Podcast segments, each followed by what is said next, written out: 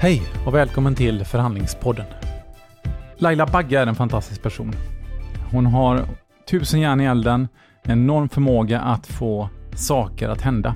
Och eh, väldigt kul att hon kom till Förhandlingspodden den här dagen för att prata om bland annat musikbranschen. Hur ser förhandlingarna ut där? Hur ser affärerna ut? Avtalen? Och även entreprenörskap i allmänhet. Hur gör man för att ta sin idé till verklighet? Ett grymt häftigt avsnitt med mycket energi med Laila Bagge. Jag eh, hoppas ni ska ha trevligt med Laila och med mig, Karl Fager från Max Advokatbyrå. Så eh, luta er tillbaka så kör vi.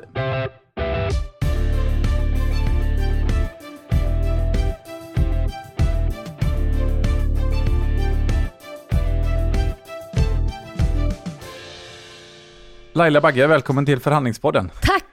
Hur mår du idag? Jag mår bra, Ja. lite stressad men jag känner att jag ska börja varva ner nu. Mm. Du är radiopratare nu Ja, bland annat. Men eh, hur, hur blir de dagarna? Det blir upp tidigt eller? ja det är upp tidigt. Jag går väl upp vid fem någon gång och Ja. eh, är på radio någon gång vid kvart över sex. Det är väl underbart att runda av en sån dag med att prata lite mer då. Ja, eller hur? det känns som att jag inte har slutat prata i radion. Då är du uppe i varv. Vad, vad har du med på ditt bord just nu? Som du, det känns som du är en mångsysslare av rang. Jag är ju det. Ja. Och jag har, gud, jag har mycket, det är både tv, det är Mm. radio, det är mm, musik, det är mm, mina olika bolag, Mm. Rock by Sweden, smyckesföretaget, eh, hudvård och kosmetikföretag, Mariana Corrigan, eh, mitt vanliga LB Management.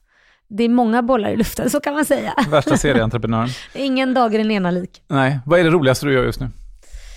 Vad är det roligaste jag gör? Men Jag tycker allting jag gör är roligt, det är därför jag har så många bollar i luften. Mm. Och jag tror att jag har svårt att nöja mig med en sak, jag blir lätt uttråkad. Utan jag måste ha många, det jag älskar det är väl just när det är, man kommer på en idé och får ta den och se den bli förverkligad. Sen när man har gjort det där, då börjar jag tröttna lite, då vill jag hoppa på nästa steg och så helst får någon annan ta över det där. Så sitter jag gärna i baksätet. Du är ingen förvaltare? Nej, det är jag nog inte. Jag är den mer som kommer på idén, eh, drar igång allting, får ihop det och sätter fart på det, smäller upp alla dörrar och ser till att det funkar. Sen får någon gärna ta över. Sen kommer förvaltarna in. Ja, sen tar jag säkert hellre en mindre procent och så får de andra ta över. Du, eh, vi ska snacka lite om musikbranschen. Ja. Där du eh, har haft eh, en roll, sa du till mig innan här, men lite olika roller ändå. ja, ja, så är det. Ehm, och för det är en bransch som många är väldigt intresserade av. Mm. Men som ändå, där, där lite hur det funkar, inte så många som vet. Nej. Liksom hur ser avtalen ut, hur ser vägen framåt ut? Jag har faktiskt försökt få lite, även lite andra personer från musikbranschen till Ja. förhandlingspodden. Ja. Men då säger de, ja men det är lite hemligt hur våra avtal ser ut. Man vill inte gärna prata. Nej, men Så att, då- vad, vad är det som gör att det är så publikt men ändå lite hemligt? Därför att jag tror att alla avtal ser olika ut. Ja. Och de får väl inte diskutera just sina avtal. Nej, så, så. Men konkret för att säga hur ett avtal egentligen ser ut i dagens läge, förr tjänar man ju pengar på ett helt annat sätt på musiken. Mm. Och idag tvingas ju skivbolagen ta en större del av kakan, så att nu är de ju inne och eh, roffar åt sig rättigheter som de aldrig skulle fått annars. Eh, som till exempel, de vill egentligen kanske ha en 50-50 split när det gäller allt. Och det kan vara en, om den här personen får för sig ett tv-program, böcker, Ja. Eller eh, en blogg eller vad det är som inte har någonting med musikbranschen att göra. Då ska de ha en del av den kakan också. Och Så gärna kallade- managementet tre- också. 360-avtal. Jajamän, Ja. du har läst på. Jo, nej, vi, jag jobbar i vår sportspel Ja. och underhållningsgrupp och även om Ja. jag själv inte är så mycket in i musiken så har jag kollegor som är riktigt duktiga på detta. Ja. Men, men om vi backar lite bara, för hur det har varit traditionellt sett så har det ju funnits lite olika typer av avtal. Om man, som artistperspektivet då. Mm, mm, Man kanske har ett avtal med ett skivbolag, skivkontraktet. mm. Så har du väl förlagsavtalet. Sen har du ett managementavtal med din agent. Så var det ju mer förut. Ja. I, I Och- dagens läge vill de helst ha allt under samma tak. Precis. När tecknar man det avtalet? Om man är liksom en ung artist som är på väg upp. Nej men så här är det ju allmänt sett. Och det kan jag ju säga för en ung artist idag. Jag har ju varit med om gjort, eller varit med om och läst sådana avtal och eh, förhandlat sådana avtal. Nu är det inte jag som förhandlar så, men sitter bakom och säger men det här är inte schysst, men sen har man ju alltid en advokat självklart som sköter huvudförhandlingen. Mm. Men oftast är det ju, precis som det jag sa, det är en 50-50 split när det gäller allt. Mm. Livespelningar, de har även managementet. Mm. Eh, och sen tror jag när man blir tillräckligt stor, då gör man ju en omförhandling kanske om man känner att managementet funkar kanske inte riktigt, vi vill lyfta ut det här ur avtalet, ja då börjar ju en ny Kan förhandling. du förtydliga, förtydliga vad management, vad, vad lägger du in i det? Management, de ska egentligen ha nästan 20% av allt artisten gör. Och egentligen ska ju inte skivbolaget ha det. Nej. Men då väver de in managementet också i den här kakan och Mm. en 50-50 spel. Man egentligen delar 50-50 på allting och så ingår managementet i det. Så skivbolaget är skivbolag och agent? Management, ja, och, och allting. Och det, det kanske inte är så bra alla gånger, för att managementet ska ju egentligen finnas där för att skydda artisten mot skivbolaget och göra andra dealar. Så att många gånger kan ju det där eh, bli riktigt fel. Mm. Men, många, men flera gånger kan det också vara bra i början, för att man kanske inte har så mycket val i början. Mm. Man har inte eh, fått någon hit än och så vidare. Då satsar ju också skivbolaget allting på den personen. Mm. Och sköter de sina kort rätt och det fortsätter att gå bra, ja men då kanske det funkar. Men känner man då som artist att nej men det funkar inte längre, jag måste ha en manager, ett skivbolag, för det, jag får inte ut det jag vill ha, då får man ju förhandla sitt kontrakt helt Mm. enkelt. Om vi backar bandet lite, innan man ens kommer till det här kontraktet så är det ett nålsöga. Ja, Såklart. Ja, men det är ju många där ute som drömmer om Så att, det. om att få det här kontraktet överhuvudtaget innan man... eh, Så att, eh, hur, hur ser den processen ut? Hur, hur, hur många är det som ens får sådana här... Hur många stjärnor får vi fram i Sverige? Då? oj. För det första är det ju otroligt svårt att få ett skivkontrakt i dagens läge. Det, Mm. det är nummer ett. Det, Mm. det är det första du ska ta dig igenom. Eh, och Hur är gör man det då? Ja, det, kontakter, nätverk, Mm. kontakter, känna rätt folk, bli presenterad för rätt människor. Det är ju egentligen det det handlar om. Och många gånger kan det också vara så här att även om en person har lyssnat på dig så kanske den inte fattat att det här är bra förrän någon annan person kommer och säger att det här är bra så börjar man tänka ja men det kanske det är faktiskt. För att i dagens läge så kostar det så mycket pengar att få en artist att slå igenom. Så att för ett skivbolag att satsa på eh, den artisten så krävs det också på att de verkligen, verkligen tror på den här investeringen. För de Mm. måste ju få tillbaka sina pengar. Mm. Det är utgångsläget för ett, ett skivbolag. Mm. Ska vi investera de här pengarna så vill vi få tillbaka dem. Och då kan man lätt göra så här, men vi gör bara en singeldeal. Det är, en, f- det är ju feghet Mm. egentligen. Du signar ju inte artisten, du signar ju egentligen låten. Mm. För att se om det här blir, du signar artisten men det är ju låten det hänger på. Blir det en hit, ja men då gör vi en singel till. Och blir det en hit och, så, och det växer och man märker att ah, det tar fäste, då kanske du får ett skivkontrakt. Mm. Eh, men det är få som får ett sånt skivkontrakt i dagens läge. Mm. Vilka parametrar är det som, du säger att det är ett litet nålsöga, vilka parametrar är det som avgör utöver kontakter? Så måste det ändå finnas vissa saker, ålder, inriktning på musik, eh, alltså om man- man ser de som får det här kontraktet, är det... Du har ju varit scout. Ja, för, nej, men alltså, det- hur, hur ser man den liksom, Det, potentialen? Ja, det gäller ju ett, att ha någonting som är annorlunda. Antingen skriver du en låta själv och man inser att wow, det här är en eh, riktigt bra sångerska eller sångare och låtskrivare, så kontrakterar man den på grund av kanske den, för den vet, man vet att det kostar inte så mycket egentligen för den är självgående. Mm. Den kan skriva själv, vi behöver inte betala folk för att göra det här jobbet, utan vi satsar på den här. Den andra vägen, om man inte kan skriva låtar och så vidare, så då är man ju beroende av andra. Då gäller det att ha något unikt, någon speciell talang när det gäller antingen speciell sångröst eller ball approach eller någonting som gör dig lite annorlunda. Och det kan vara åldern som gör dig annorlunda, att du kanske är väldigt duktig för din ålder. Mm. Eh, Då kan du få ett skivkontrakt lättare. Men du ska sticka ut. Du ska vara eh, lite annorlunda mot det som finns på marknaden. Mm. Då kan du få ett skivkontrakt. Och sen sa du att det, men det finns väldigt många talanger. Vilken, vilken väg finns det om man inte får ett skivkontrakt? Hur, hur kan man slå Alltså, det, sig gäller fram då? det gäller ju egentligen att aldrig ge upp. Men det Mm. gäller for, att fortsätta sjunga, fortsätta uppträda överallt. Eh, på så sätt kan det alltid vara någon som ser en där och får upp ögonen, eller någon producent som känner jag vill jobba med dig, eller en låtskrivare. Mm. Så att sitter man bara hemma och inte gör någonting, eller bara försöker skicka demos till skivbolag, det kommer aldrig funka. Utan ut och uppträd, ut och träffa folk, nätverka. Eh, för rätt som det är, så träffar man någon som kanske jobbar med musik och så ja, men kan vi jobba ihop och så prövar man att jobba.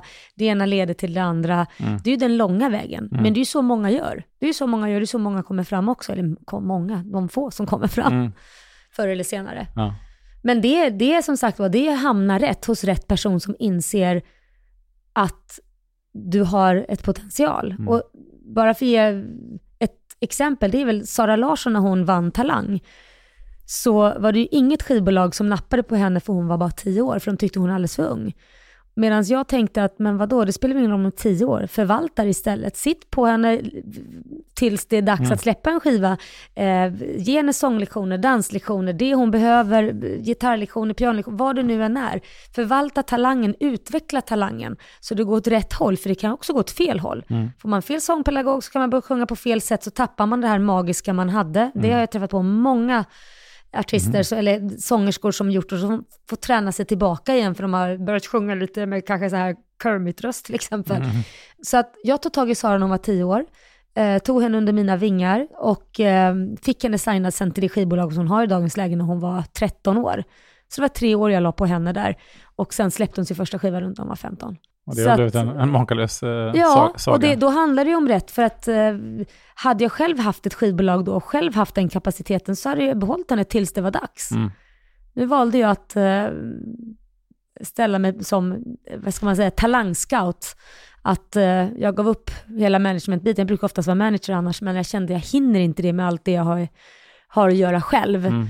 Eh, och det tar så lång tid innan när hon var så ung innan man får en utdelning på det. Så att då valde jag att signa ifrån för en finance fee istället, mm. som också är en vanligt sätt att jobba på i berätta, den här branschen. Hur, hur berätta om det? Eh, nej men då jobbar man som talangscout egentligen. Man ja. hittar en talang, eh, kanske utvecklar den under, under, en tid och anser då att ah, men nu är det läge att presentera dig för skivbolag. Nu är du redo för att skivbolagen ska förstå att det är värt att satsa pengar på dig. Och eh, i gengäld om då skivbolaget tycker att men det här känns bra, vi vill signa och eh, man får till ett kontrakt, båda parter är nöjda, då får skivbolaget ge en viss procent av deras del som tack för att du Okej, kom till oss först. Ah, Nej, men kom till oss. För man kan ju välja vilket skivbolag som helst, men tack mm. för att vi fick signa den här artisten då. Så får man väl förklara det. Ja. Enkelt. Ja.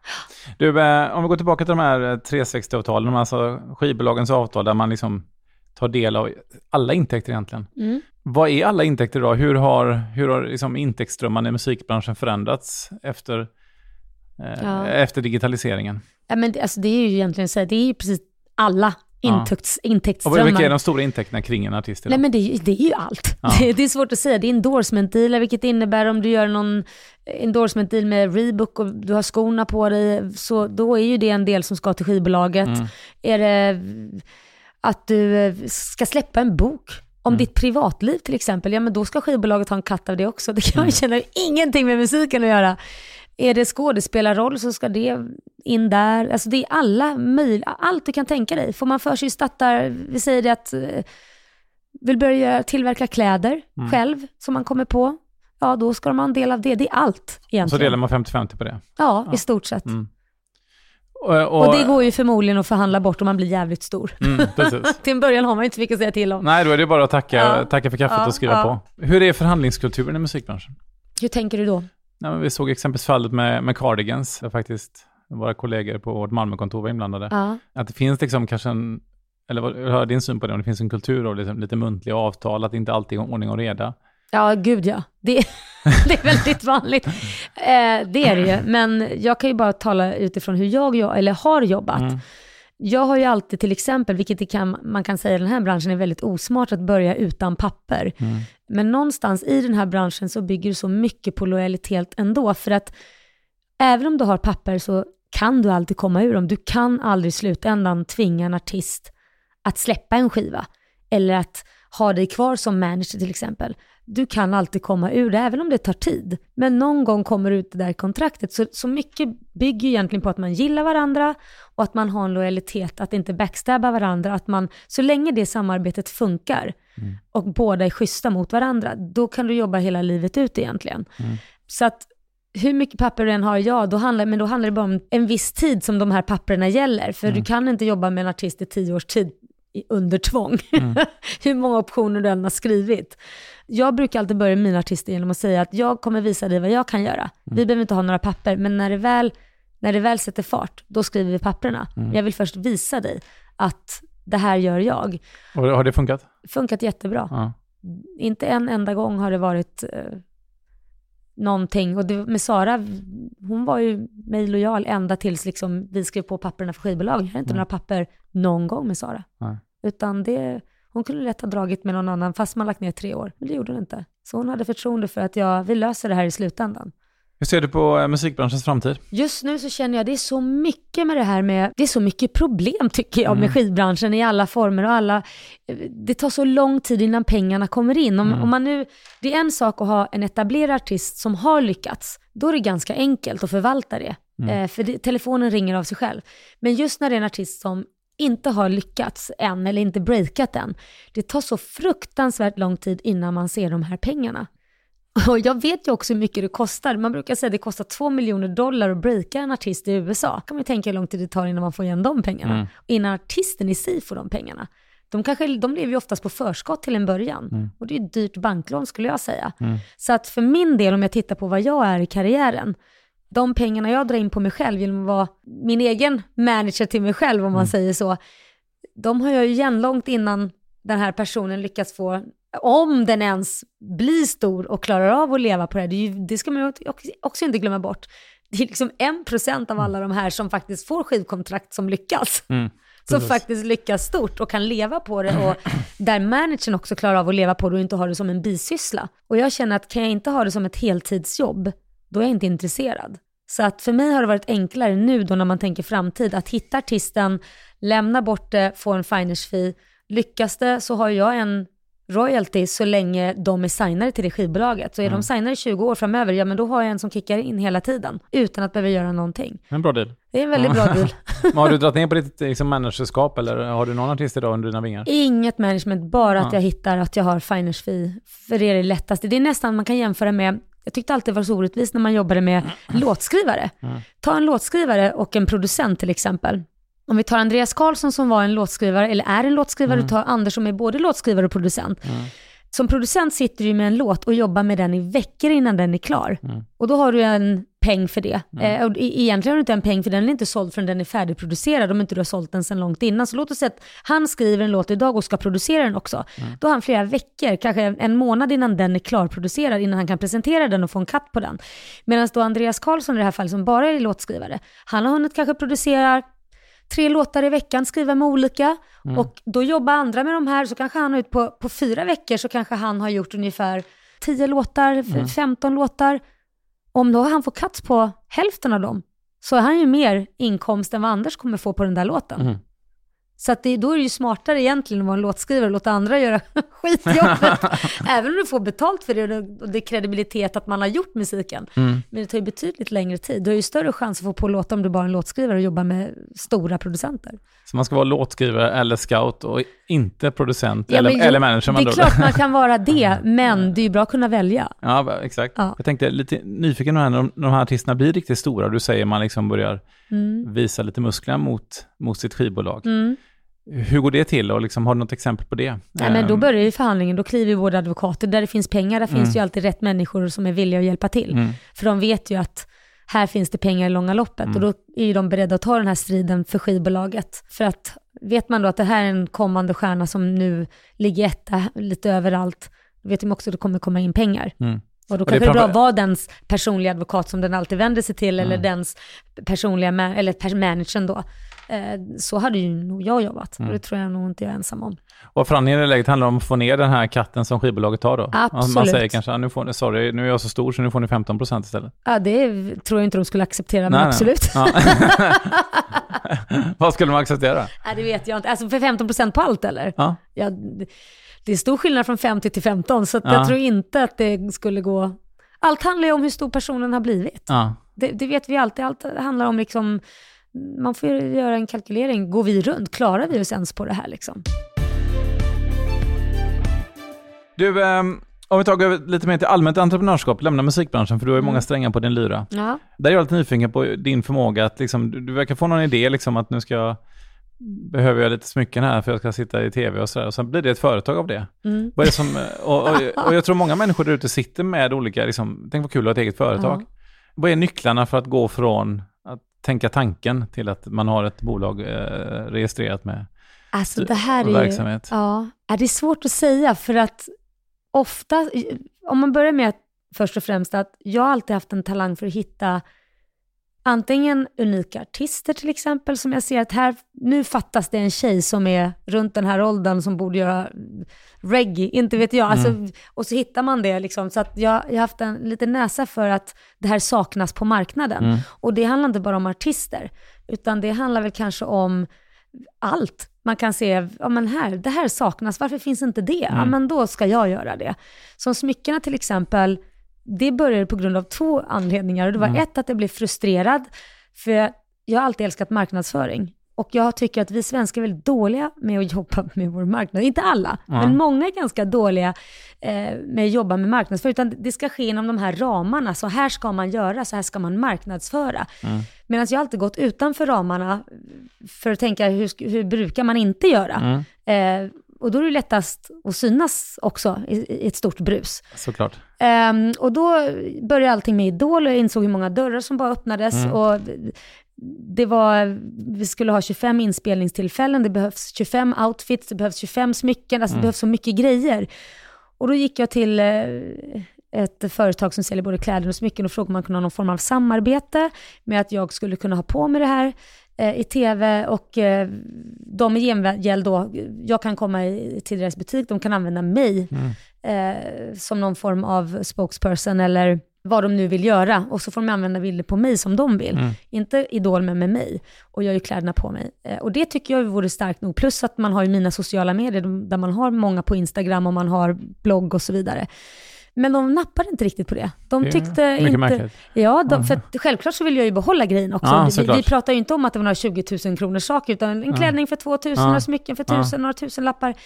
Att man körde ett sånt Mm. samarbete. Men de nappar inte riktigt på det och säger, nej men vi jobbar inte så. Nej, hur jobbar ni undrade Aha. jag, vilket de inte direkt kunde svara på. Nej. Och där blev jag lite irriterad och Mm. kände att nej men jag ska fasen visa att det här, det här är ett jättebra sätt Mm. Att eh, marknadsföra någon produkt och kunna sälja bra. Mm. För jag tror inte de fattar i kopplingen hur pass bra det skulle kunna bli. Mm. Så att eh, vi lanserade Rock by Sweden. Jag bestämde mig för att ta tag i en av mina kollegor, Lilja Sefa, och eh, bestämde mig för att göra ett smyckesmärke. Mm. Och då kommer ju nästa tänk in, hur ska man få folk att förstå att det här är ett Laila Bagge-smycke Mm. utan att man skriver att det är det? Jo, det är egentligen med form av designen. Mm. Och just då var jag väldigt inne på dödskallar, vilket jag fortfarande älskar. Ehm, det har ju blivit något form av signum för mig. Mm. Just då fanns det bara sådana här dödskallar som såg ganska hårdrocksaktiga ut, ganska hårda, inte kvinnliga, inte feminina. Mm. Och då föddes tanken med att man gör en feminin hårdrocksskalle med Swarovski-kristaller som känns som man ska kunna ha på bröllop eller inte sån här som man bara ska ha när man ska vara tuff och cool utan ska kunna ha på så här riktigt classy fester. Och just det här att när man ser det smycket så ska kopplingen vara direkt, ah, det där är ju Rock by Sweden. Just det. Direkt ska man tänka så. Mm. Och vi ville att varumärket skulle stå för sig själv och inte bygga det bara på mig. För om jag skulle försvinna ur bilden för alla blir gamla, Mm. så ska varumärket kunna leva kvar utan mig. Så därför döpte vi inte det någonting med mitt namn, utan Rock by Sweden. Mm. Jag satte, började sätta på mig det här eh, i Idols direktsändningar och det var ju inte någonstans där det stod att det var mina smycken, för det fick vi ju inte göra genom tv, utan bara genom mina sociala medier eh, skrev jag om dem, självklart. Mm. Dagens outfit eller mina egna grejer. Och eh, på det första året omsatte vi 9,5 miljoner. Så bara där betyder det att eh, de hade fel. Gick det till och med sa haha? Nej, jag hade god lust.